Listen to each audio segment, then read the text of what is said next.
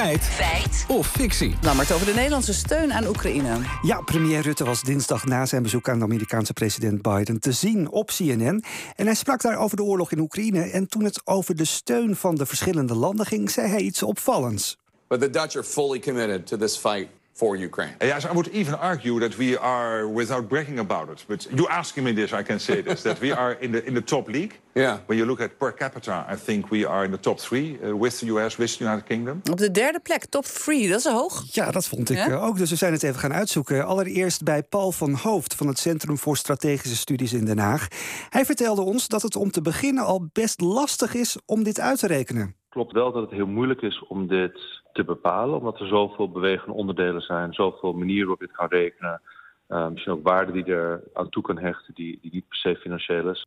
Maar naar welke elementen je ook kijkt, de top drie, dat lijkt wel heel erg hoog, zegt Van Hoofd. Er zitten een aantal elementen in van steun, eh, hulp aan Oekraïne. Eh, Dat zijn militaire dimensies, financiële dimensies, humanitaire dimensie. Maar op geen van die scoort Nederland eh, bijzonder hoog. Eh, op zijn best hangen we in de middenmoot. Ehm, maar in het midden. Dus zijn er dan cijfers over die echte top 3? Ja, ik vond wel cijfers van het Kiel Instituut voor de World Economy over de situatie vorig jaar. Uit hun onderzoek blijkt dat als je kijkt naar de totale inzet van steun aan Oekraïne als percentage van het totale inkomen per land, Estland toen op één stond, gevolgd door Letland en Polen. Nederland zou vorig jaar volgens die cijfers op plek 20 staan.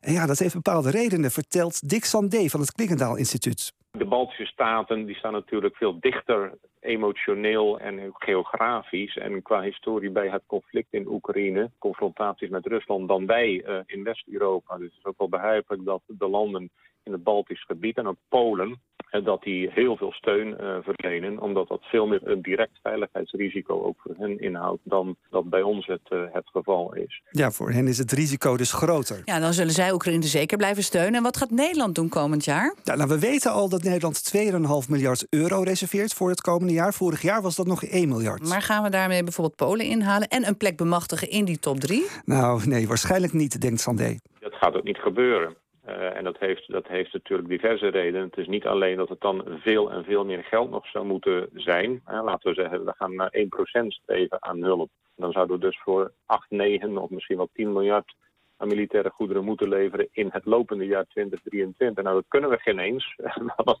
want- we raken aan het eind van onze voorraden. We hebben eigenlijk niet meer zoveel te. Gaan we nog even terug naar de premier. Waar heeft hij die nummer 3 dan vandaan? Ja, daar waren wij ook benieuwd naar. Dus we hebben gebeld met het ministerie van Algemene Zaken. En hun reactie luidt als volgt. Als je het bedrag dat wij komend jaar beschikbaar stellen per inwoner doortrekt naar het aantal inwoners in de Verenigde Staten, dan kom je op 45 miljard uit. En dan zouden we hoger staan dan de VS.